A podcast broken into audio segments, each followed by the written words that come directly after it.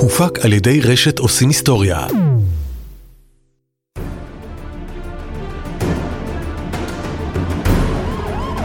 משטרת ישראל מציגה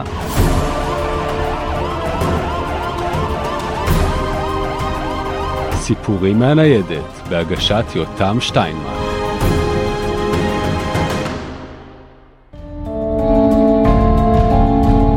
ביוני 1892 בוצע רצח כפול בעיר החוף הקטנה, נקוצ'ה, לא רחוק מבואנוס איירס. הנרצחים, ילד בן 6 וילדה בת 4, הוכו למוות בעלה. אמם, אישה לא נשואה, בת 26, פרנסיסקה רוחס, היא שמצאה את הגופות וסיפרה שראתה דמות גבר נמלטת מהמקום. רוחס מסרה עוד כי הגבר היה מאהבה, פועל חווה בשם ולסקס. כשנכנסה הביתה, היא סיפרה, רץ ולסקס ועבר על פניה ויצא מן הבית. אחר כך מצא את ילדיה מתים על המיטה המגואלת בדם. ולסקס נעצר, הוא נחקר באריכות, וייתכן כי החקירה, כמקובל באותם ימים, כללה עינויים. למרות זאת, הוסיף האיש להכחיש כל קשר למעשה. כמה מהחוקרים החלו לאט לאט לפקפק באשמתו, אבל במשטרה הוחלט לנסות עוד שבוע של עינויים. התוצאה הייתה זהה. החשוד לא הודה. חלק מחוקרי המשטרה החלו לחשוד באימם של הילדים, פרנסיסקה רוחס בעצמה. התברר שיש לה מאהב צעיר נוסף. אנשים סיפרו שהוא אמר שהוא לא יישא אותה לאישה בגלל הפרחחים הקטנים שלה. אלוורס, הקצין החוקר, עצר אותה והפעיל עליה את אותן שיטות מפוקפקות שניסה על ולסקס. כדי להפחיד אותה עד שתודה, הורה הקצין לכפות אותה להושיבה לפני דלת ביתה כדי להניח לרוחות ילדיה לנקום את נקמתם. הוא אף הורה לכמה מאנשיו להשמיע קולות זועמים מתוך הבית כדי לשכנע אותה שהנה באות הרוחות לקחת את נשמתה הרעה והחוטאת. לבסוף, אחרי כל הממבו ג'מבו הזה, עשה אלוורס את מה שהיה עליו לעשות אולי מלכתחילה. חיפוש בזירת הרצח. נשמע טריוויאלי? לא בימים ההם. שם, בזירת הרצח, הוא גילה כתם על אחת הדלתות, ובו טביעת אצבע ברורה וחדה. הוא ניסר את לוח העץ שהכיל את התביעה והביא אותה אל תחנת המשטרה. אחר כך הוא לקח טביעת אצבעות מפרנסיסקה רוחס עצמה והשווה את השתיים. שתי התביעות, למרבה ההפתעה, התאימו. אלוורס תחקר ושאל את פרנסיסקה אם נגע בילדיה אחרי שמצא אותם מתים. היא השיבה בשלילה. אם כך שאל החוקר, מה עושה טביעת הבוהן שלך המגואלת בדם על הדלת? הוא הראה לה את התביעה על לוח העץ. לנוכח הראייה הזאת, נשברה פרנסיסקה והודתה שרצחה את שני ילדיה באבן גדולה, כדי שתהיה חופשייה להינשא למאהב הצעיר שלה. היא הורשעה ונידונה למאסר עולם. הפרשה המחרידה הזאת היא כנראה אחת מהדוגמאות הראשונות המתועדות לשימוש בטביעות אצבע על מנת לפתור תעלומת רצח. מי לא מכיר את סיפורי שרלוק הולמס, או לחילופין את סדרות המשטרה, דוגמת מחשבות פליליות או CSI לדורותיה, בהן צוות מיומן של שוטרים וחוקרים מפענח פשע. רצוי רצח כפול תוך 45 דקות, שבוע אחר שבוע. פשעים מורכבים יותר זוכים לשני פרקים, בהם כמעט תמיד מפוענח האירוע הפלילי, כל הפאזל הזה של המידע מסתדר לכדי מעצר. הפושע הרע הולך לכלא, אולי נהרג, והתיק נסגר. אבל כאמור זאת הוליווד, זה הטלוויזיה.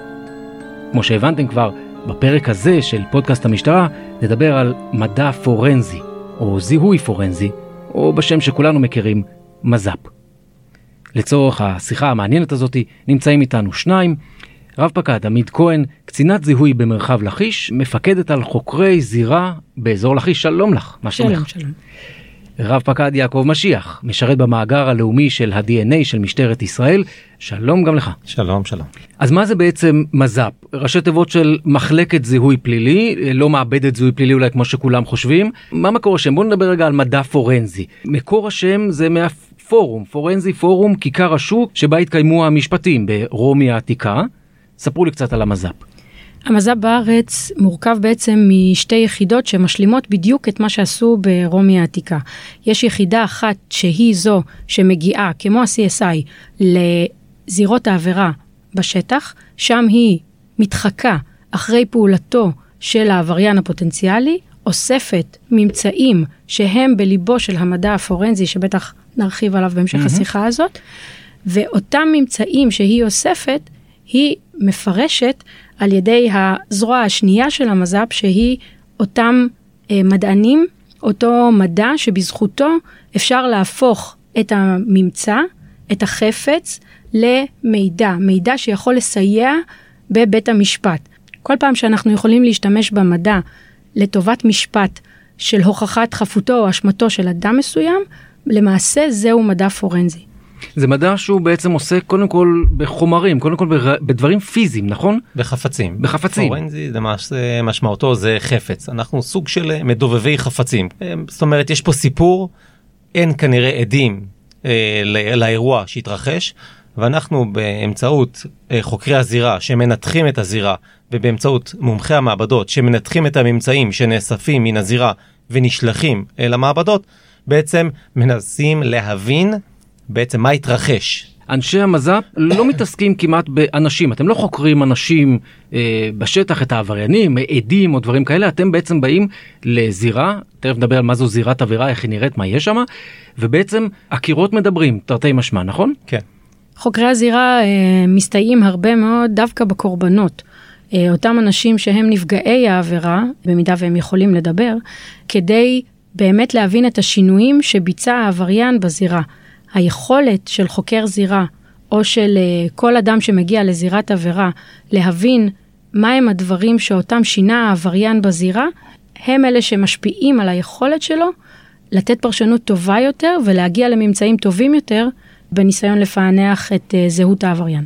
זאת אומרת יש לנו חלוקה כבר uh, בתחילת הדברים לשתי מערכות שעובדות ביחד.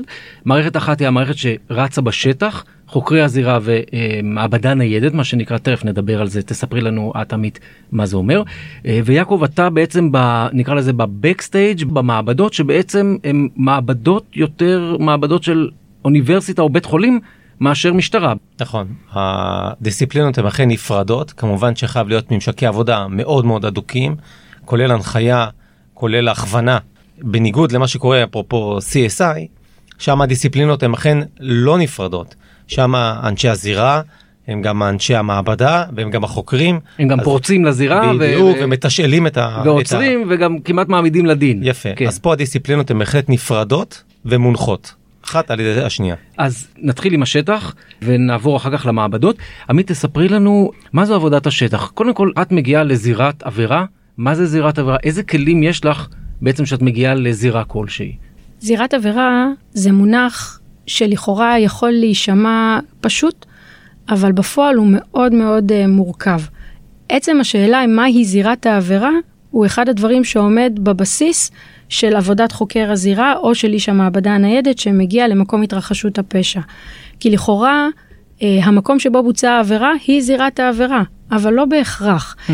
כי הרבה מאוד פעמים אנחנו רוצים להתחקות אחר העבריין שביצע עבירה מסוימת. אולי דווקא המקום שבו הוא ביצע את העבירה לא יהיה המקום שבו הוא ישאיר את הסימנים שאותם אנחנו נוכל לזהות. זאת אומרת שגם הדרך שבה הוא בא לזירת העבירה, וגם הדרך שבה הוא נמלט מזירת העבירה, ולמעשה כל מקום שבו אנחנו יכולים לשפוך אור על זהותו של עבריין מסוים בעבירה שאותה אנחנו נדרשים לחקור, זוהי זירת העבירה שלנו, ולכן המונח עצמו הוא מונח מאוד מאוד רחב. כשחוקר זירה או כל איש מז"פ מגיע לזירת עבירה, הוא מתחכה אחר השינויים שאותם ביצע העבריין בזירה. הוא נותן את הפרשנות הטבעית לשינויים שהוא רואה בזירה ומדמיין, בדיוק כמו שאנחנו רואים את הפלאשים ב-CSI, הוא בעצם מדמיין. כן, זה קרוב, זה מה שקורה לך בראש שאת מגיעה למקום כזה? את רואה מין סוג של פלאשים או, או תרחישים כאלה בראש? לגמרי כן. היכולת של חוקר זירה לשחזר את פעולת העבריין היא זאת שתביא אותו למצוא את הממצאים הייחודיים שבזכות המעבדות אנחנו נוכל לקשור אותם יחד לכדי אימות זהותו או אימות העבירה שאותה הוא ביצע, לא בהכרח רק הזהות. נניח שפורצים אל בית ועל השיש יש כוס מים, אנחנו סביר להניח, נשאל את הקורבן האם אתה שתית את כוס המים mm. הזאת או שהיא חדשה כאן. הדבר הזה שהוא לכאורה טריוויאלי, כוס על השיש. כוס על השיש יכול להפוך להיות הדבר שיביא את אותו פורץ שלרגע חש צמא בשעת ההתפרצות שלו, ובזכות הסימן הביולוגי שהוא השאיר על הכוס, אנחנו נוכל להתחקות אחר העקבות שלו, בזכות המאגרים, לחשוף אותו ולגלות את זהותו. היה מקרה של פורץ, אפרופו אה, פורץ אה, רעב, של פורץ שתמיד היה פורץ לדירה, שהוא היה מסיים כאקט אה, סיום, אקורד סיום, הוא היה מוציא את הקרטון חלב, גומע אותו לרוויה, מחסל אותו, ועוזב את הדירה לשלום.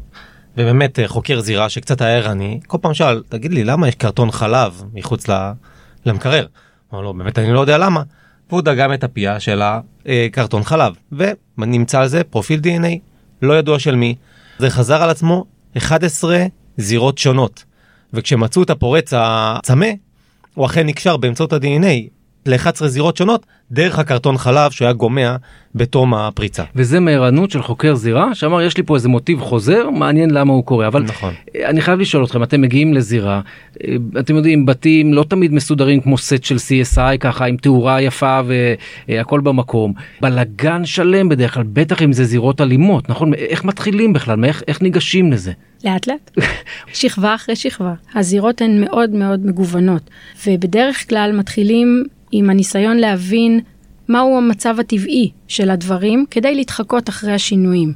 גם בזירה מורכבת מאוד, כמו זירת רצח, וגם בזירה פשוטה לכאורה, כמו גנבה מתוך רכב. זאת אומרת בני אדם עושים טעויות דומות זה מה שאת אומרת? השיטות הן שיטות אה, שחוזרות על עצמן במידה מסוימת. לכל בית יש חלונות, לכל בית יש דלתות, ולכן או שייכנסו מהחלון, או שייכנסו מהדלת, ולכן הדברים פחות או יותר אה, עם הניסיון יכולים להיראות דומים, אבל כל זירה, וזה לחלוטין לגמרי. נכון, שונה לגמרי. איזה כלים יש לך כשאת מגיעה לזירה אז כולנו מכירים את אותה מברשת עם אה, אבק אה, מתכת שמזהה טביעות אצבעות איזה עוד כלים יש בלי לחשוף שיטות אה, ויכולות מתקדמות. הכלים שמשתמשים בהם בזירה מתחלקים לשני סוגי כלים, נקרא לזה ככה. יש אה, כלי חשיפה, בדיוק כמו אותה אבקה שתיארת. בדומה לחשיפה של טביעות אצבעות, יש לנו טכניקות אה, לחשוף אה, כתמים ביולוגיים כאלה ואחרים. יש לנו טכניקות לחשוף חומרים מסוימים שיכולים להיות בזירות. ובצד השני, יש לנו בעצם שיטות של תיעוד, תיעוד מתקדם, כדי שאנחנו נוכל לתעד את הזירה או את הממצא המסוים.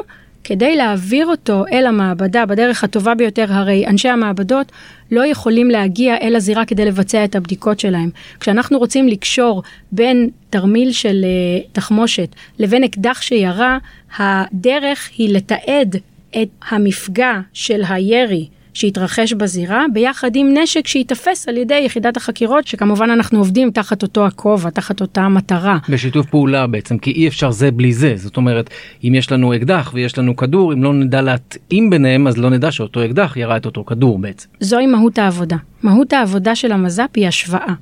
היכולת להשוות ולהעיד על מקורו של הממצא.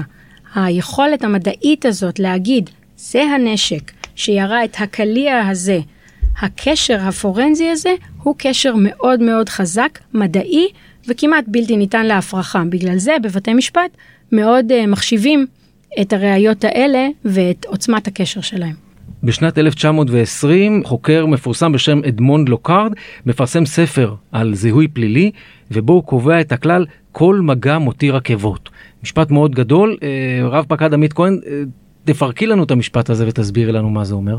המשפט הזה הוא המהות של העבודה בזירה שמשלבת את עבודת המעבדות. זה הקשר הבלתי נפרד בין מז"פ שטח לבין מז"פ מעבדות ולכן אנחנו יושבים כאן יחד.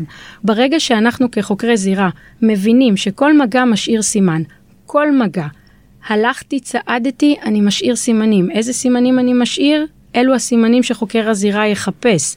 כדי לקשור את הסימנים שהשארתי כשהלכתי לנעל שנעלתי כשביצעתי את ההליכה הזאת, זה בדיוק מהות ההשוואה שמבוצעת במעבדות.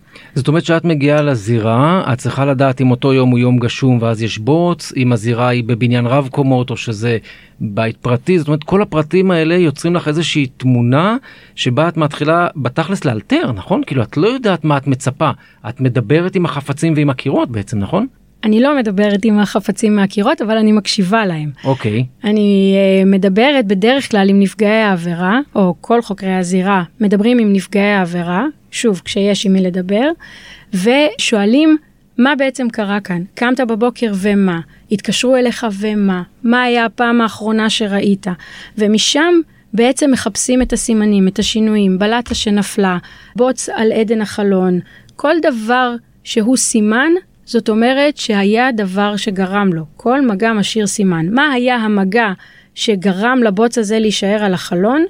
זה אותו דבר שחוקר הזירה בעצם מנסה להתחקות אחריו. אבל סליחה שאני מתעקש, יש המון סימנים שיכולים להיות. זאת אומרת, כל, אם את אומרת כל חפץ, כל מגע משאיר סימן, יש ים חפצים בכל בית נורמלי, או בכל משרד, או בכל מקום, כל אחד מהם יכול לעשות משהו. איך מתחילים בכלל לסדר את הפאזל הזה של מיליון חפצים שיכולים להיות קשורים או לא להיות קשורים? מחפשים את השינויים.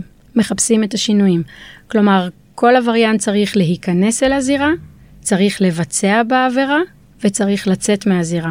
אנחנו ננסה למצוא אותו במקומות האלה שבו הוא מבצע שינויים בזירה. יש זירות אלימות שבהם זה קל יחסית לראות 아, את השינויים. אה, דווקא באלימות זה קל לראות? אה, רואים הרבה דם, רואים... אבל נראה יותר, נשמע לי יותר מבולגן, לא? רואים. יש הרבה שינויים, אוקיי. יש הרבה שינויים כשיש, אוקיי. כשהכול מבולגן, וגם כשפורצים לך הביתה, לא שאני חלילה מאחלת לך, אבל אוקיי. יש די הרבה בלאגן. אז באמת, ההתחקות שלנו אחרי השינויים, במה הוא נגע, מה הוא פתח, על מה הוא דרך, איזה סוג של חומר הוא השאיר, מה הוא שינה בבית, איך הוא יצא אחר כך, מאיפה הוא הגיע אל הבית. כל הדברים האלה שאנחנו שואלים את עצמנו את השאלות האלה ועונים לשאלות האלה בזמן העבודה בזירה, הם אלה שבעצם מזקקים את היכולת שלנו להתחקות אחרי הפעולות שלו, וממש לדמיין איך הוא עושה את הדברים, וגם לנחש, אולי, אבל זה כמובן ניחוש מושכל, איפה אנחנו עשויים למצוא את הממצאים הבאים בתור. זכורות לך איזה שהם זירות שהיו מסודרות יתר על המידה, שאמרת, מה זה, הכל פה במקום, שום דבר לא זז, אין פה, לכאורה אין פה כלום. האמת שכן, אה, בזירה קשה, זירת אה, רצח כפול, שהתרחשה, בעצם הגענו לתוך בית שנחשד על ידי יחידת החקירות כבית שבו בוצעה העבירה, והבית היה ממש כמו אחרי פסח. כל הכריות שטופות מונחות בנחת על המרפסת בחלון, הכל נקי, מריח מאקונומיקה, מריח מצבע טרי, ודווקא הזירה הנקייה מדי. ה... מדי הביאה את היכולת שלנו לאתר בסופו של דבר את הממצאים ואת הסימנים שהביאו להבנה שהתרחש שם אה, רצח כפול, אה, היה סיפוק אה, גדול מאוד. ואחרי איסוף כל הנתונים האלה מהשטח, אני אפילו לא קורא להם עוד ראיות, כי הם עדיין לא ראיות, הם נתונים, נתונים פורנזיים. פונים אליך יעקב, מגיעים למעבדות. בוא, בוא רגע נדבר על המעבדות. קודם כל, איזה מעבדות יש בכלל? אילו כלים יש לך, כמו כלי השטח של אה, עמית, איזה כלים יש לך? באופן עקרוני, המעבדות מחולקות באופן גס לשתי קטגוריות. יש את הקטגוריה שמכונה סימנים וחומרים. אלו מעבדות בעצם שמקיפות גם את תחום הסמים, האנליטיקה מה שנקרא, נשק, שזה סימני נשק, איזה סוגי נשק, לקבוע את סוג הנשק, סימנים וחומרים שזה השוואת כלים, מה שהזכרת מקודם, אה, תביעות של הכלי על גבי המוצג. התביעות המדוברות דרך אגב גם בנשק וגם בסימנים שהמוצג יכול להיות בן אדם. גם יכול. להיות, אבל בדרך כלל לא מדובר פה על חפצים קשים על גבי חפצים קשים, או חיתוכים למיניהם, בעצם סימנים מיקרוסקופיים. זה לא משהו שניתן לזהות אותו לרוב בעין בלתי מזוינת, מדובר פה באמצעים שמתעסקים במגניפיקציה, הגדלה מאוד משמעותית של החפצים וחיפוש של סימנים ממש ממש קטנים, זאת אומרת האדם הסביר לא יראה אותם, לא יחוש בהם וגם לא יבין שהם שם בכלל. חקירת הצתות שמתעסקים בעצם בחקירה של הצתות כמו לדוגמת אה, הצתות יערות הכרמל בזמנו אסון הכרמל וכדומה. איך בעצם התחיל האירוע מאיפה הוא התחיל האם הוא היה בכוונת מכוון או בטעות תמימה כזו או אחרת. השוואת מסמכים השוואת כתבי יד קביעת אה, מטבעות ושטרות האם הם מזויפים או לא. הרבה פעמים מתעסקים גם עם בנק ישראל הכוונה שלהם בלמנוע זיופים או קושנים מסמכים כאלה ואחרים הטוענים לבעלות ופיתוח ט"א פיתוח טביעות אצבעות. זה התחום שנקרא כימיה וחומרים. החלק השני זה הביומטריה הפורנזית שהיא מתעסקת בעצם באדם, בזיהוי אדם. כשלעצמה היא מתעסקת בהשוואת ט"א, זאת אומרת לא בפיתוח הטביעת אצבע אלא בהשוואתה. ראייה דיגיטלית שהיא מתעסקת בעצם בכל המדיה הדיגיטלית, מצלמות אבטחה, זיהוי פנים, גם זיהוי דובר. ומערך ה-DNA שהוא מורכב ממעבדת DNA וביולוגיה שכל מהותה בעצם זה בלאפיין DNA מזירות עבירה שנאסף על ידי אה, יחידות השטח ומאגר ה-DNA, שהוא בעצם, לתוכו בעצם שופכים את כל המידע שנאסף ב-DNA וביולוגיה, הפרופילים, וחשודים שמאופיינים שם באופן שוטף, ומשווים בין זירות העבירה לבין החשודים, או בין זירות העבירה לבין עצמן. חוקרי זירה עוסקים גם בזיהוי קורבנות אסון. נכון, באירועים אה, לצערנו שמתרחשים אה, פה לפעמים אה, חוקרי הזירה מסייעים ביחד עם מדור זיהוי חללים בזיהוי קורבנות אסון ובעצם הסימון שלהם עד להעברה שלהם למכון לרפואה משפטית או במקרים שבהם מעבירים אותם לתחנות של ריכוז חללים זה תרגולת שבעצם בשעת חירום אנחנו נהיה הגורם היהודי שאחראי על הזיהוי והסימון של הגופות ביחד עם יחידת החקירות, כדי להביא אותם בסופו של דבר לקבורת ישראל. ואם מדברים על דברים שמתפוצצים וגורמים לאסונות, אז המעבדות עוסקות גם אה, בזיהוי חומרי נפץ. פשוט. במעבדות עוסקים גם אה, בתחום של אה, חנם, חומר, חומר נפץ מתפוצץ, זה בעצם זיהוי ואפיון של חומרי נפץ, בין אם זה לקבוע מה היה חומר הנפץ, כדי לנסות לאתר את המקור שסיפק את החומר נפץ הזה, חומרי נפץ לא מגיעים מהמכולת, או לאתר חומרי נפץ שהם בפיתוח, שהם אה, חדשים, הגיעו לשוק, להבין מה הרכיבים שמשמשים לבנייתם, מה הצורה שהם עובדים בהם, כדי לנסות להילחם בייצור שלהם, או לאתר את מוקדי הייצור. אנחנו תכף ניגע לעומק יותר במעבדת ה-DNA שהיא בעצם אפשר להגיד מלכת הזיהוי הפורנזי, אבל כל מה שסיפרת לנו עכשיו הוא בעצם מדע השוואתי, אתם כל הזמן משווים דבר, לש... זאת אומרת אין ערך לצורך העניין לטביעת אצבע אם אי אפשר להשוות אותה לטביעות אחרות. אין ערך לחומר מסוים שנמצא בזירה אם אי אפשר להשוות אותו. אתם כל הזמן משווים מאגרים או ידע שיש לכם למה שחוקרי הזירה אוספים בשטח בעצם. יש אכן מאגרים, יש את מאגר ה-DNA, יש מאגר טביעות האצבע שהוא המאגר הוותיק יותר מבין השניים, הוא מכיל למעלה ממיליון טביעות אצבע. לגבי עוד מאגרים שיש, מאגר אה, ההשוואות אה, של נשק, שיש להם בעצם מאגר שלם שמשווה בעצם בין כלי נשק כאלו ואחרים, ויכול לקשור בין כלי נשק שביצע ירי בזירה אחת, לכלי ירי שביצע בזירה אחרת, ובעצם למצוא את הזיקה בין שתי הזירות הללו. אז אלו אכן המאגרים, אבל יש מעבדות שהקביעה שלהם היא חד-חד ערכית, בלי קשר למאגר, כמו במעבדת סמים, שם הקביעה היא שזה סמים, או חקירת צצצות. הקביעה היא בעצם שזה חומר דליק מסוג כזה או אחר. זה לאו דווקא בהשוואה למאגר. ויש מעבדה שהיא בעצם השוואתית, בעצם אחד לאחד, לאו דווקא אל מול מאגר, כמו למשל במעבדת מסמכים, שאם בן אדם טוען שזה לא חתימתו, יבקשו בעצם להשוות את חתימת ידו, כתב ידו, אל מול המסמך שהוא מציג כרגע, האם זה אכן אותו כותב או לא. באיזה אחוז של ודאות אה, המסקנות שלכם? כי בסופו של דבר אה, יש פה, לפחות בחלק מהדברים שדיברת עליהם, עניין של ניתוח, עניין של פרספקטיבה, עניין של תפיסה. זאת אומרת, אוקיי, אז אם משהו שם זה הרכב כימי, אפשר להוכיח את זה אחד לאחד. אבל אם מדובר על תביעת נעל, לפעמים יש פרשנות, זה מתאים, זה לא מתאים, המידה היא אותה מידה, יש מריחות, יש כל מיני דברים כאלה. השאלה היא מצוינת, והיא אכן אה, שאלה חמה, מונחת לפתחו של בית המשפט חדשות לבקרים. בסיכומו של יום, מומחה כמומחה, עד שהוא זוכה לתואר מומחה, בעיקר בתחום ההשוואתי, עוברות עליו כמה שנים טובות, גם של למידה, גם של קריאת חומר עיוני וגם של ניסיון בתיקים המלווה על ידי מומחה ותיק יותר ומוסמך יותר. עד שהוא זוכה להכרה כמומחה בפני עצמו, עוברות עליו, תלוי מה התחום, באזור החמש שנים. ובסיכומו של יום, כשהוא מקבל את הרושם המקצועי שאכן מדובר בקביעה שזו אכן הנעל, זה אכן הכותב וכיוצא בזה, הוא אומר, אני סומך את ידיי על הקביעה הזאתי, זו קביעתי, ועל כך אני מוכן להעיד בבית משפט. יש מקרים שאתה זוכר שקרה מקרה הפוך, זאת אומרת שראיות פורנזיות מהזירה הפריחו אה, אשמה, הזימו אשמה מה שנקרא בשפה המקצועית? ודאי. הדוגמה הקלאסית הכי מפורסמת אולי תהיה בעצם פרויקט החפות בארצות הברית. שלמעשה אז באותם שנים ההכשרות הסתמכו על אה, ממצאים פחות פורנזיים או הוטו בגלל uh, תפיסות חברתיות כאלו ואחרות. אנשים הורשעו על בסיס מסד נתונים מאוד מאוד קטן, מצומצם, ואולי אפילו מוטעה.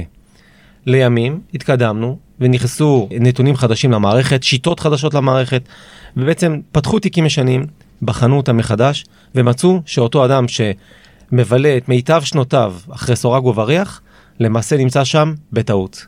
אבל כאן העוצמה של מומחה פורנזי, וכאן גם היושרה והאומץ להגיד חבר'ה תקשיבו טעינו. אנחנו חוזרים לאחור כמובן אף אחד לא רוצה לעמוד במעמד הזה אבל גם אף אחד לא רוצה לשים חלילה בן אדם חף מפשע בתא המעצר.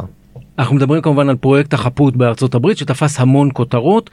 יש מצב שיהיה פרויקט כזה גם בארץ ראינו לאחרונה כל מיני מקרים אגב שרובם היו בגלל הפללה עצמית או בגלל אה, הודעה שאחר כך הנאשם או כבר הוא היה שפוט חזר בו יש אה, סיכוי שזה יקרה גם בארץ דבר כזה? התביעה אני מאמין שאם הייתה חשה על קרקע בטוחה ורואה הזדמנות אכן לפצוח בכזה פרויקט אני מאמין שהיא לא הייתה משתהה ומז"פ תהיה האחרונה שתתנגד לכזה מהלך למה? אנחנו לא מטעם אף אחד, אני לא מומחה מטעם. אני מומחה שבא להעיד מה מצאתי, איך זה הגיע, מה הנסיבות, זה שהשופט יקבע. אה, בואו נדבר על אה, DNA שזה בעצם כמו שאמרתי מלכת הזיהוי הפורנזי. אל אה, תעליב את טביעות האצבעות. זהו, כן? תיזהר עם זה כי טביעת אצבע, אל תעליב את טביעות האצבעות. אוקיי, טביעות האצבע הם המלכה. אז בואו נדבר על, באמת על העניין הזה כי אני רואה שאתם מסתכלים אחד על השני וכל אחד עם החיוך שלו אז תסבירי לי רגע. כל הראיות הביומטריות הן למעשה ראיות שעשו שינוי מאוד מאוד גדול בעבודה של הזיהוי הפלילי. העובדה שיש את המאגרים שדיבר עליהם קודם יעקב גם ב-DNA וגם בטביעות האצבעות, הן מאפשרות לנו באמצעות ממצא בודד כמעט בזירת העבירה להגיע לזהות של עבריין, וזה כוח מאוד מאוד גדול, במיוחד לאור המהירות שהדברים קורים בשנים האחרונות. כלומר, יכול לחלוף פרק זמן קצר מאוד מהרגע שחוקר זירה מאתר אה, טביעת אצבע או כתם ביולוגי אה, בזירת עבירה ועד הרגע שמתקבלת חזרה תשובה מהמעבדה ובו זהותו של עבריין במאגר? שנמצא. אה, כל מקרה לגופו, אבל הזמנים התקצרו מאוד. מה את מעדיפה למצוא בזירה כתם ביולוגי או טביעת אצבע? אל תגידי לי את שניהם. כמובן שאת שניהם, אבל uh, הנסיבתיות היא מאוד מאוד uh, משמעותית בהקשר הזה. כמו שקודם אמרתי, שברגע שנמצא קשר בין ממצא לבין מקורו והקשר הוא חזק, נסיבות האירוע וכלל הראיות הפורנזיות הן לרוב ראיות נסיבתיות. כלומר, הן מאוד תלויות בסיפור שאותו יספר העבריין או שאותו אה, אה, תספר הזירה לגבי מהותו של החומר. כדי קצת אה, לחדד את דבריה של עמית, אם אתה מוצא כתם זרע על סדין, וזה הכתם זרע של בעל הדירה, אז לא מצאת שום דבר. אבל אם מצאת כתם זרע על סדין, וזה בקומה 11, של מישהו שלא גר בעיר ומכחיש כל קשר לזירה, אתה קיבלת הרגע ממצא אחר לחלוטין, ולכאורה זה אותו רעיון. כל השאלה, הנסיבתיות. איך זה הגיע לשם, ובאיזה אמתלה. שאלה לגבי ה-DNA היום זה התחום שהוא הכי מתפתח. DNA הוא אכן אה, תחום מאוד מאוד מתפתח, גם טכנולוגית וגם ביכולות ההשוואתיות שלו. תחום הוא בהתפתחות ולכן הוא גם לכאורה תופס כותרות. כי ט"א כולנו מכירים. מצד שני, הט"א הוא, הוא ותיק יותר, הוא שחקן ותיק יותר, מאגר שלו הוא הגדול, הוא הגדול מבין השניים, וה-DNA כשלעצמו הוא כביכול שחקן חדש יותר בזירה, אבל מסוגל להביא גם פריצות דרך מכיוונים שפחות אה, הכרנו אותם. למשל בסיפור נועה אייל נזכיר למי שלא יודע אם מישהו לא שמע אבל נזכיר בעצם היה שם זיהוי של dna של קרוב משפחה של מי שהורשע אחר כך ברצח וככה הגיעו אליו לא הגיעו אליו בדרך ישירה אלא דרך dna של מישהו אחר בכלל. אחד מנקודות החוזק של ה-DNA על, על פני ט"א זה היכולת לקשר משפחתית. אם נתייחס לט"א, לטביעת האצבע, כל אחת מאצבעות ידינו, גם ימין וגם שמאל, כל אחת מהאצבעות היא שונה מחברתה ואין בה כדי להעיד על חברתה. זאת אומרת, אם אני נגעתי עם אצבע ימין, זה לא ייתן במאומה שום פרט מידע על אצבע שמאל, אין שם קשר ביניהם. לעומת זאת ה-DNA, אם אני הפקדתי את ה-DNA שלי, אני כשלעצמי דומה ב-DNA שלי מאוד לאבא שלי, מאוד לאימא שלי, ובסבירות מאוד מאוד גבוהה גם לאחיי ואחיותיי, וגם לדודים שלי, וגם לילדיי. בעצם הטיפת דם הקטנה שישרתי בזירה, יש בה כדי לקשור יותר מבן אדם אחד בעצם לזירה, בדמיון גבוה לעוד עשרה, וזה חמש משהו עשרה. חדשני של השנים האחרונות נכון? הדמיון הוא מאז שנבראנו, אבל לא. הגילוי הוא אכן מהשנים, כן. היותר מהשנים האחרונות, גם צובר תאוצה יותר, ביכולות ההשוואתיות שלו וביכולת הקטלוג שלו. וזה מביא אותי לשאלה הבאה איזה טכנולוגיות היום נמצאים בפיתוח או בטסטינג כבר בשטח דברים שפעם נראו לנו אולי מדע בדיוני אני אשים על השולחן את נושא זיהוי הפנים כי פעם ראו את זה רק בסדרות מדע בדיוני ואמרו אה איך אפשר לזהות מישהו על פי פנים היום כמעט כל טלפון חכם יכול לזהות את הפנים של זה שרוצה לפתוח אותו. אכן הזיהוי הביומטרי הוא גם כן אה, משהו שצובר תאוצה, אה, משלב גם אה, בינה מלאכותית ומחשיבים עוצמתיים שמסוגלים לבצע בעצם אנליזה על פי אלגוריתמים כאלה ואחרים, פרמטרים כאלה ואחרים, אם זה מרחק בין אישונים, אם זה גובה המצח, סגנון שיער, מיקום של האף על פני הפנים, צורת שפה, סנטר, גובה עצמות לחיים. ועוד ועוד דברים. הדברים האלה נמצאים גם פיתוח יש כל מיני חברות שמציעות כל מיני אה, תוכנות מדף היום שהן מסוגלות לבצע את הדברים הללו. אבל זה כבר נמצא בשטח, אפילו היציאה מהארץ היום, אה, מי שרוצה לא צריך לעבור אצל הפקיד שמחתים את הדרכון, הוא פשוט מסתכל למצלמה שלוש שניות וגמרנו, יש זיהוי. נכון. זה ממש מדע בדיוני. זה אכן אה, עולה על כל דמיון, רק צריך לקחת בחשבון דבר מאוד פשוט, זה דורש גם צילום מספיק איכותי כדי שייתן לי את המידע הנדרש. פושעים הם היום לא מצפים שיתפסו אותם ושמים את עצמם על מגע של כסף, הם מגיעים עם אה, כיסוי פנים, רעולי פנים, קפוצ'ון על הראש, צריך תנאי תאורה נאותים, איכות הצילום צריכה להיות טובה, המצלמה עצמה, המידע שהיא אוספת, המגה פיקסל, החדות צריכה להיות גבוהה, ולכן יש לדברים האלה אה, קשיים שמערימים עליהם, וניסיונות לעקוף אותם ולהתמודד מולם. אני חושבת שהטכנולוגיה היא לא זו שתגביל את התפתחות המדע הפורנזי. כלומר, דווקא מה שירסן את היכולת שלנו לזהות עוד אנשים ולהוסיף אותם למאגרים הוא דווקא החקיקה. בתחום של טכנולוגיה, משטרת ישראל לא חוסכת אה, מאומה בלתת למז"פ לצעוד ולהוביל את המחנה בתחום הזה של טכנולוגיה, אם זה בקנייה ורכישה של ציוד מתקדם, בחינה של שיטות כאלו ואחרות, גם כשהן יקרות. שליחה של מדענים ומומחים לחו"ל כדי להשתלם או להביא מומחים לארץ כדי אה, להעביר פה הרצאות ולהשקיע במומחים פה ולפתח אותם ולהעצים אותם. עמית, מה צריך אה, מישהו ששומע אותנו ככה ואומר בואנה זה מדליק אותי, זה מעניין אותי, ראיתי CSI, אה, אני רוצה להיות שם. אילו הכשרות או איזה ידע צריך לבוא, מה צריך מעבר לתכונות האנושיות שעליהן דיברנו כדי להיות חוקר זירה. חקירת זירה לא נלמדת מחוץ לכותלי המשטרה. אי אפשר ללכת לאוניברסיטה וללמוד להיות חוקר זירה. כל ההכשרות שלנו למעשה מבוצעות בתוך המשטרה ומתוך הניסיון המצטבר של אה, אנשים שמבצעים וביצעו את העבודה הזאת. כמה לוקחת ההכשרה עד שמישהו יוצא פעם ראשונה לחקור אירוע של פריצה, לכאורה משהו פשוט? ההכשרה במכללה היא הכשרה ארוכה שכוללת גם משהו שאנחנו קוראים לו התנסות תוך כדי תפקיד, אה, שבו מלווים אותם חונכים שהם חוקרי זירה ותיקים, כדי באמת אה, לראות ולתת את התחושה הזאת של מה זה להיות אה, בזירת עבירה. חוקר זירה עובד לבד. צוות המעבדה הניידת שעוסק בחקירת פשעים חמורים וקשים וגם יש לו מיומנויות או מומחיויות. שהן אה, אחרות וכאלה שדורשות הסמכות נוספות, אבל הכשרה כזאת לוקחת במינימום שבעה חודשים של הכשרה עד שבעצם החניך מקבל את כלל הגיבוי, גם המדעי וגם הניסיוני מהזירה עצמה כדי לטפל לבדו בזירת עבירה. ולמעבדה ניידת שזה באמת פשעים קצת יותר מורכבים או יותר חמורים במדרג הפשיעה, תוך כמה זמן אפשר להגיע? כי אותי זה מעניין. זאת אומרת הדברים ההארדקה, CSI.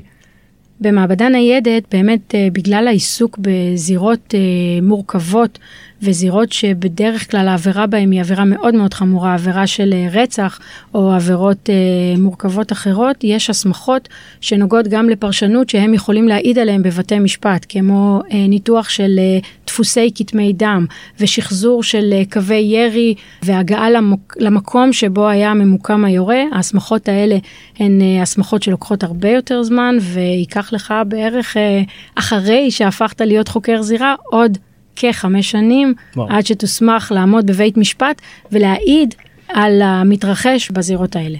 כדי להיות חוקר זירה טוב, התכונת מפתח היא למעשה סקרנות. כלומר, היכולת באמת להגיע למקום ולדמיין או להעריך אה, מה קרה כאן ולחתור כדי למצוא את אותם אה, ממצאים שישפכו אור על האירוע הזה. צריך דמיון. צריך, צריך הרבה דמיון. מה שכן, גם צריך להכיר בסופו של דבר את הראיות שאיתם אנחנו עובדים. כלומר, הגעה מתחום מדעי כלשהו מאוד מסייעת לדעת איזה מידע ניתן להפיק מחפץ מסוים. כלומר, אה, מה אפשר לעשות עם אה, כוס אה, פלסטיק ומה זווית השמש יכולה להעיד לנו לגבי השעה ביום. לא צריך להיות מדענים גדולים, אבל בהחלט צריכה להיות איזושהי אוריינטציה אה, לתחום הזה, ואני חושבת שכמו כל שוטר במשטרת ישראל, צריך מאוד מאוד לרצות לחתור אה, להגעת האמת. רב פקד יעקב משיח, אצלכם במעבדות צריך להיות קודם כל מדען, נכון? זאת אומרת, לפני שאתה שוטר. מומחי המעבדות אה, אכן נדרשים לידע אקדמי מקדים, כל אחד בתחומו. זאת אומרת, צריך להיות כימאי, פיזיקאי, מהתחומים אה, האלה. המומחים הם אה, בדרך כלל או נושאי תואר שני או שלישי בתחום הכימיה, פיזיקה או ביולוגיה, תלוי מה התחום המומחיות, ואם זה בתחום ההשוואתי, הרבה פעמים זה מהנדסים, מהנדסי מכונות, מהנדסי חומרים, תחום ההנדסה הוא החלק המשמעותי, זה בתחום האקדמי. אחרי שאתה מגיע עם ידע אקדמי, עם תואר שני או שלישי בתחומך, אתה עובר עוד הסמכה בתוך מז"פ. ההסמכה הזאת היא בעצם זו שעושה ממך מומחה פורנזי, כי באוניברסיטה אתה לא משתמש ולא מכיר את הטכניקות שמז"פ משתמשת בה, אז אולי אותן טכניקות, אבל האינטרפטציה והצורת יישום שלה בתוך מז"פ היא לפעמים קצת שונה. כמובן שיש גם את הנושא של כתיבת חוות הדעת והעדויות והנושא של שרשרת מוצג, איך אתה שומר על המוצג, לא מזהם אותו, מה שבאוניברסיטה אתה לא נדרש אליו. וכמו שאמרתי, עד שאתה לא בעצם עובר את מסכת ההסמכה במלואה, שהיא בדרך כלל לוקחת כמה שנים, תלוי באיזה מעבדה, אתה בעצם לא מוסמך כמומחה. מומחה הוא בן אדם שבעצם יודע המון על משהו מאוד מאוד ספציפי. זה כמו פרופסור באקדמיה בעצם. נכון, יודע המון על מעט, אבל לעומק, חופר את זה לעומק, והרבה פעמים המומחה נדרש לעשות משהו מאוד אנטי-ישראלי. הישראלי, הוא יודע על הכל מהכל, וגם על תחום שאין לו שום הבנה בו, תוך רבע שעה יש לו דעה מוצקה עליו. המומחה במז"פ חייב להיות צנוע ולעבוד נגד האינסטינקטים, לדעת בדיוק מה הם דלת אמותיו בתחום ההתמחות שלו, ורק עליהם לענות. ולא מילימטר יותר ולא מילימטר פחות. בפרקטיקה הוא... מישהו שמומחה לצורך העניין לתביעות של נעליים או צמיגים יהיה מומחה לתביעות, הוא לא יתעסק בשריפות, הוא לא יתעסק בכימיה. נכון, הוא יהיה בתחום שלו אריה, אבל מחוץ לכלוב הזה שבו הוא מומחה, הוא כלום, הוא כאחד האדם. בואו נדבר על אה, שני מקרים, כל אחד מכם מספר על מקרה שזכור לו שהיה מורכב או מעניין או מאתגר ברמה האישית, אה, שהייתם חלק מפיצוחו. אני יכולה אה, להיזכר באירוע שהיה באשדוד, במרחב לכיש, לפני, הוא הגיע גם לכותרות, הרצח של אה, רינת רועס. זה היה בשנים הראשונות שלי במעבדה הניידת. רינת רועס הייתה נערה שחזרה לביתה אחרי שהיא נפרדה מחבר שהקפיץ אותה מהעבודה הביתה. היא לא חזרה הביתה ובעצם אז התחילו החיפושים אחריה. אה, היא נמצאה לבסוף במרחק אה, לא גדול מהבית שלה, מתחת לשיח, כשהיא ללא רוח חיים, ועל הגוף שלה סימני אה, התעללות קשים. אחד הדברים שהם הכי קשים לחוקר הזירה, זה בעצם חוסר הוודאות לגבי היכולת שלך לשפוך אור על העבירה. אתה דוגם במקומות מסוימים, אתה עושה פעולות מסוימות בזירה, אבל הפידבק הוא לא מיידי. ובאמת, אה, באותה זירה, דגימה מסוימת שנלקחה בגלל השחזור ובגלל הניסיון לחזות קדימה מה יכול עבריין לבצע באירוע, כל כך חמור, במצב אה, של אה, זירה שבאמת היה קשה להיות בו, השחזור של האירוע הזה והמקום שממנו אה, התקבלה ההחלטה לקחת את הדגימה הזאת, ושבסופו של דבר היא הייתה זו שהביאה לזהות אה, גילוי העבריין, עצם העובדה שהשחזור המחשבתי שלך הצליח להניב ממצא שבסופו של דבר הוביל לגילוי, אני חושבת שזה הסיפוק הגדול שגורם לי כל בוקר לקום ולרצות להמשיך להגיע לעבודה הזאת. הרב פקד יעקב משיח, אה, הסיפור שלך מה שנקרא? היה איזה אירוע לפני כמה שנים של שני חיילים אה, שהיו בעמדה בהר ברכה. הם שיחקו שש בש בעמדת, בעמדה, אה, כאשר הנשק לצידם, האפודים בצד גם כן, והם הופתעו, הופתעו על ידי שלושה מחבלים, שזה קצת היה מביך לקרוא להם מחבלים, כי זה בעצם שלושה נערים, שתקפו אותם, והם היו מופתעים לחלוטין. החבר'ה האלה הצליחו לדקור את שני החיילים ולפצוע אותם אה, בצורה די קשה, אחד יותר קשה, אחד פחות. ונסו על נפשם, הם לא הספיקו אפילו לראות בהם. הממצאים שנשלחו אליי היו הסכין והבגדים המגואלים שלהם בדם, וגם הסכין הייתה מגואלת בדם, חילצו אותה מהגב של אחד החיילים. וככה בדרך לא דרך ניסיתי לחפש איפה אני יכול לדגום את הסכין הזאת מבלי להתקל בדם של החיילים.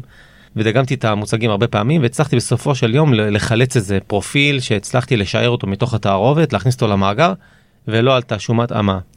היחידה החוקרת שלחה שלושה חשודים שהם אמרו יש סבירות שהם ביצעו את העבירה ואף אחד מהם לא התאים. ואז אני מסתכל ככה עוד פעם ואני אומר לעצמי אחד החשודים האלה בפרופיל שלו מאוד דומה לפרופיל שאני הצלחתי לשער אותו. ואני עושה חישוב סטטיסטי ובודק ככה ימינה שמאלה ואני רואה שבאמת יש סבירות שזה אחד שזה אח שלו הם נראים די דומים. ואני ניגש למפקד שלי ואני אומר לו תקשיב זה לא מתאים החבר'ה האלה שנשלחו אבל אני חושב שזה אח שלו. ומדברים עם, עם, עם היחידה החוקרת והיא אומרת לי אתה בטוח תקשיב הם נמצאים עמוק בתוך שטח עוין להגיע לשם זה דורש להפעיל גדודים שלמים של צה"ל כדי לדגום אותם. ואני אומר אני מוכן לשים על זה את הראש המקצועי שלי זה אחד האחים שלו. והם נכנסים והם דוגמים את אחד האחים שלו ויוצאים וזה לא הוא. ואני אומר רגע יש עוד אח כמו סינדרלה כזה האם יש עוד מישהו ואומרים לי כן אבל הוא יותר קטן לא הגיוני. אני אומר חבר'ה אני רוצה שתדגמו אותו אמרו לי אתה בטוח עוד פעם גדודים עוד פעם בלאגן אני אומר חבר'ה אני עוד פעם שם את הראש שלי על זה. נכנסים באישון לילה בדרך לא דרך דוגמים את הבחור מוצאים בחור בן 16 התאמה מלאה. בינגו חבל על הזמן. עוצרים אותו. הבן אדם מודה וקושר שני בני דודים שלו לאירוע ובעצם סוגרים את כל הסיפור הזה של הפיגוע הזה באמצעות פרופיל דנ"א משוער שהוצא מתערובת באירוע של פיגוע. זה היה החלק שלי בסיפור. בסוף השיחה שלנו אני חייב להתייחס למה שפתחנו איתו את הדיון הזה. אה, CSI, זירת הפשע, Criminal Minds ודומיהן, סדרות אה, זיהוי פלילי. כמה הם אה, המצאה והוליווד וכמה יש שם גרעין של אמת? הגרעין לגמרי קיים. כלומר, המוטיבציה לייצר את הסדרות האלה נובעת בדיוק מהתשוקה הזאת של חשיפת האמת, והשיטות נכונות, והכלים אמיתיים. הקצב okay. אוקיי. והתפאורה הם בהחלט אה, קצת שונים ממה שאנחנו רואים כאן, אבל... זאת אומרת לא מגיעים לזירה עם נעלי עקב ואחר כך קופצים מהחלון במרדף אחרי הפורץ, זה לא. אבל בואו רגע נדבר ברצינות, החומרים עצמם, הדברים שקשורים ממש לזיהוי הפורנזי, הוא סביב סיפור אמיתי מה שנקרא, מבוסס על סיפור אמיתי? בהחלט, הטכנולוגיה היא בהחלט טכנולוגיה זהה, הכלים הם אותם כלים, אבל כמו שאמרנו, הדיסציפלינות הן מעורבבות שם, אצלנו הדברים מתרחשים בקצב יותר איטי. ושם כל פרק תוך 45 דקות כן. כולם מודים שהם רצו את ארלוזרוב ברור פה בארץ הדברים זזים לאט יותר ולוקחים סבלנות. זיהיתם את עצמכם בפרקים כאלה זאת אומרת אוי היה לי מקרה דומה לזה אוי מאיפה הם הביאו את הדבר הזה זה תיק שפעם קראתי עליו או עבדתי עליו. כדי שסדרה תעבוד בהוליווד חייבים להעצים אותה לקיצון שלה. ההסתברויות והמסקנות שבדרך כלל אנחנו עומדים ומעידים עליהן בבתי משפט הן הרבה פחות אה, סקסיות כן. ממה שמציגים בטלוויזיה. אז הגרעין שם, אבל העץ אה, הוא קצת יותר אה, צנוע כאן ולכן גם הרבה הרבה פעמים אה, אפילו שופטים לפעמים קצת אה, מתבלבלים. גם ו- הם רואים את כן, הוליווד. ו- ומייחסים למז"פ באמת יכולות שהן פנטסטיות, הן מבוססות על האמת, אבל אה, אני מאמינה שהטכנולוגיה תמשיך ותתקדם ואולי יום יבוא ונגיע לקופסה שתגלה לנו את הכל בחמש דקות, אבל נכון להיום המדע הוא שם והיכולות הם שם, אבל הקצב והסבירויות קצת אחרים. רב פקד עמית כהן, קצינת זיהוי מרחב לכיש, מפקדת חוקרי זירה במרחב לכיש, ורב פקד יעקב משיח, המשרת במאגר הלאומי של ה-DNA של משטרת ישראל. תודה רבה לשניכם, אנא נאחל לכם שתמשיכו לחשוף את האמת וביושרה. אנחנו פה בשבילכם. תודה רבה. תודה. אם אתם רוצים לדעת עוד על משטרת ישראל והתפקידים שמילאה בתולדות המדינה, אתם מוזמנים ומוזמנות לבקר בבית מורשת משטרת ישראל ולפגוש מקרוב את ההיסטוריה שלא הכרתם. פרטים באתר policmuseum.org.il